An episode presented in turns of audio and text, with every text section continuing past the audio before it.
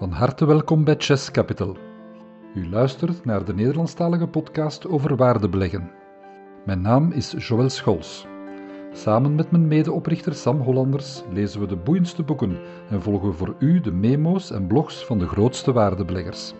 Alle afleveringen zijn gebaseerd op teksten die u vindt op onze website www.chesscapital.be. Welkom, beste luisteraar, bij deze 28e podcast van Chess Capital. We gaan het in deze podcast hebben over risico, een misverstaan woord. De beurs is een casino, de beurs is riskant, het is een mijnenveld waar je beter van wegblijft.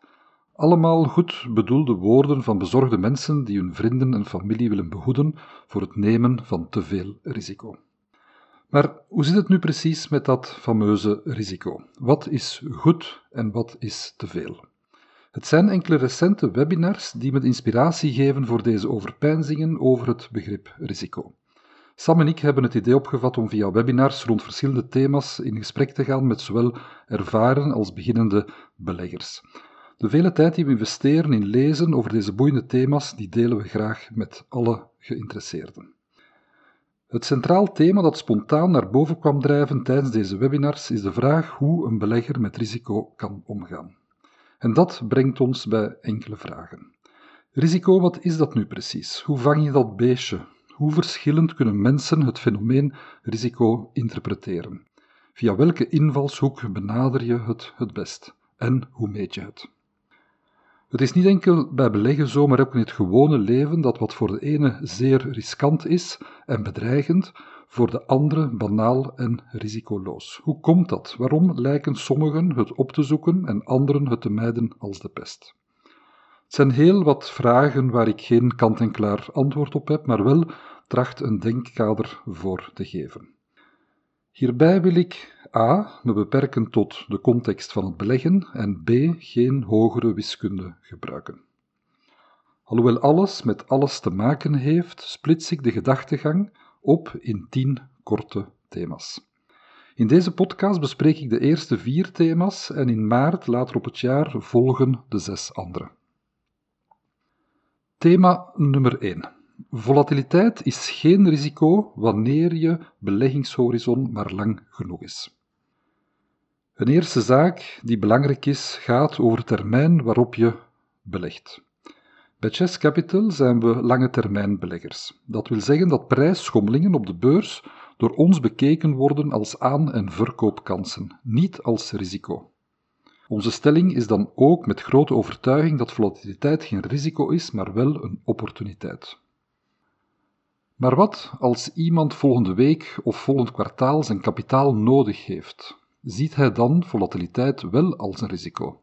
Ja, dat, dat zal wel, uiteraard. Uiteraard loop je het risico door te investeren in een prijsvolatiel product wanneer je op korte termijn afhankelijk bent van de marktprijs.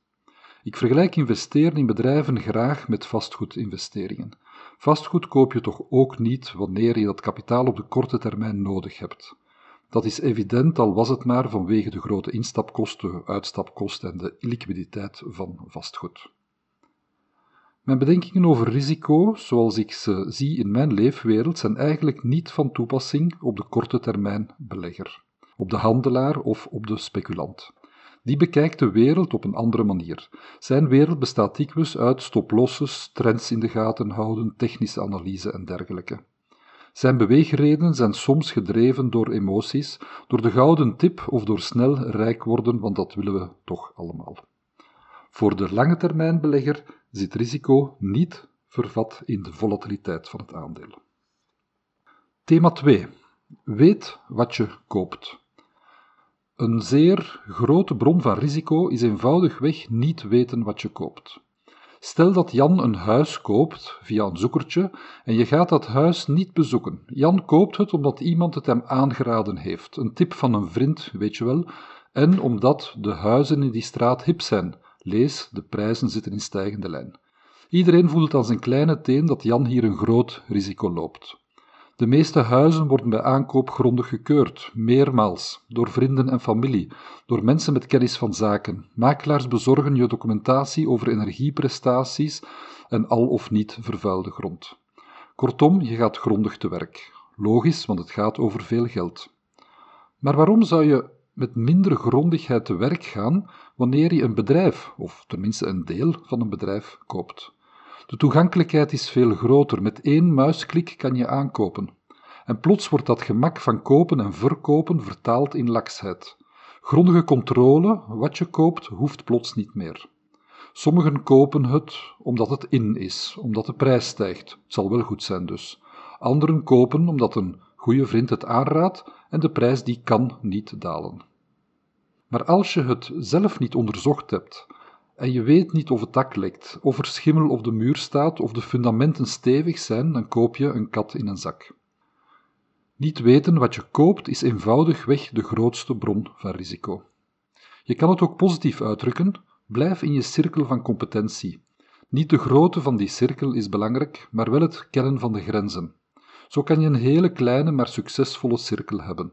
Een vastgoedspecialist die door en door alle vastgoed in en rond Mechelen kent, zal wellicht succesvoller zijn dan een makelaar die overal handelt. Zo ook op de beurs. Specialiseer je in een bepaalde sector, in een bepaald type bedrijf of in een geografie. Dikwijls wordt je competentiecirkel beschreven als industriekennis, maar dat hoeft niet zo te zijn. Voor mij betekent het vooral zoeken naar eenvoudige bedrijven. Alhoewel ik ingenieur van opleiding ben, vind ik het niet eenvoudig om de technologische evoluties te volgen, laat staan alles te begrijpen. Een bedrijf met een eenvoudig product, een eenvoudige structuur, weinig schulden, gezonde kaststromen, een langdurig management en een heldere strategie en kapitaalsallocatie is voor mij een afbakening van mijn circle of competence. Thema 3. Risico vermijd je door kwaliteitsbedrijven te kopen. Niet weten wat je koopt is één zaak, maar bewust op zoek gaan naar kwaliteit is een andere. Maar hoe beschrijf je kwaliteit bij bedrijven? Daar zijn al meerdere boeken over geschreven. Samengevat zou ik het zo beschrijven: ga op zoek naar bedrijven waar de garantie op kaststromen in de toekomst zo zeker als mogelijk is. Als beginnende belegger hoef je het daarbij niet te ingewikkeld te maken. Hier zijn enkele vuistregels. Liever een bedrijf met permanente kaststromen dan één dat afhankelijk is van projecten. Uit mijn eigen ervaring als ondernemer haal ik dan Nextel aan, de telecomintegrator, waar ik vroeger mee aandeelhouder van was, en waar we in het begin van elk semester de onderhoudsfacturen uitstuurden naar onze klanten. We noemden dat onze matras. De projecten in de loop van het jaar die dan gescoord werden, als al niet verlieslatend waren, was een aanvulling op de kaststroom. Kies eerder een bedrijf dat een grote vis is in een kleine vijver, eerder dan een gewone vis in een grote vijver. De kleine vijver symboliseert een nichemarkt waar je alleen heerser kan zijn. Dat levert het bedrijf pricing power op. Ik verkies koning Enoch in het land der blinden dan een massa koningen die hevig strijd leveren voor elk lapje grond. In Engeland is er zo'n bedrijf dat eiervrije taarten aanbiedt aan hindoes en veganisten. Ze doen dat nu al tien jaar in zo'n 150 franchisewinkels over het ganse land en tot nu toe zijn ze de enigen die dat doet. De kans is groot dat die kleine vijver van eiervrije taarten niet aantrekkelijk genoeg is voor een tweede speler. Derde tip. Kies een bedrijf met een moeilijk te kopiëren voordeel. Gekende voorbeelden zijn farmabedrijven die een ontdekking doen of een ontwikkeling gedaan hebben en dat vertaald zien in een langdurige bescherming door patenten. Maar het kan in alle domeinen voorkomen, zoals bijvoorbeeld bedrijven die lage kostenprincipes in elke vezel van hun DNA bezitten. Denk maar aan de Colroyds en de Ryanairs van deze wereld. Ze zijn moeilijk te kopiëren, omdat de ganse low-cost bedrijfscultuur is die gewoon ingebakken zit. Of bedrijven die een sterk verspreid distributienetwerk hebben, zodat producenten via hun moeten passeren om hun producten aan de man te brengen. Zoek naar zaken die quasi niet te kopiëren zijn. En de laatste voorbeeld, kies bedrijven met managers die in het verleden de juiste zaken deden voor de aandeelhouder. De kans is groot dat ze in de toekomst ook de juiste zaken zullen doen. Ik denk dan aan juiste verloningsstructuren installeren, de juiste kapitaalsallocatie realiseren, geen domme overnames doen en dergelijke. Resultaten uit het verleden zijn geen garantie op de toekomst, maar in dit geval wel een zeer goede indicatie. En thema 4, het laatste voor deze podcast althans. Risico zit in de downside. Veel mensen kijken naar boven. Wat kan me deze belegging opbrengen? En vergeten het neerwaarts risico te evalueren. Ze zijn aangetrokken tot mooie winsten. We willen graag tot de club van de winnaars behoren en zijn bang om winsten te mislopen. Daarom springen we zo graag op de trein van de winnaars en daarom kan verstandig momentum beleggen best wel een winstgevende activiteit zijn. Je profiteert als het ware van de hebzucht van anderen. Eens een sneeuwbal begint te rollen, wordt hij groter en versnelt hij. Lees, er worden meer beleggers aangetrokken door succes. Zo ontstaan bubbels. Nee, niet de coronabubbels, maar de beursbubbels. Wie het momentumspel speelt, dient goed te kunnen inschatten welke beweging aan kracht zal winnen en welke niet.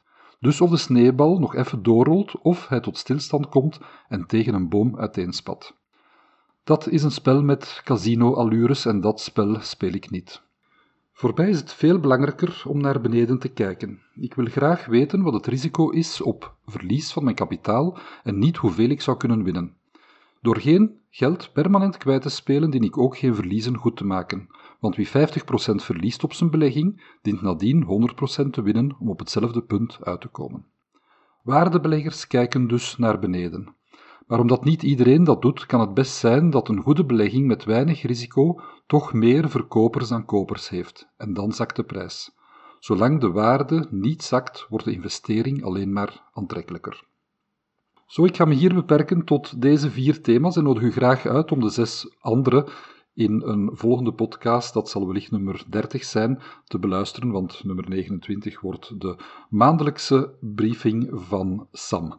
Wie ondertussen ook nog interesse heeft om uh, een van onze webinars te volgen, de, de volgende die nu gepland staat, is 20 april en die gaat over de fundamenten van het waardebeleggen. U kan kijken op onze LinkedIn Chess Capital pagina en daaronder evenementen vindt u het volgende webinar. Tot een volgende podcast.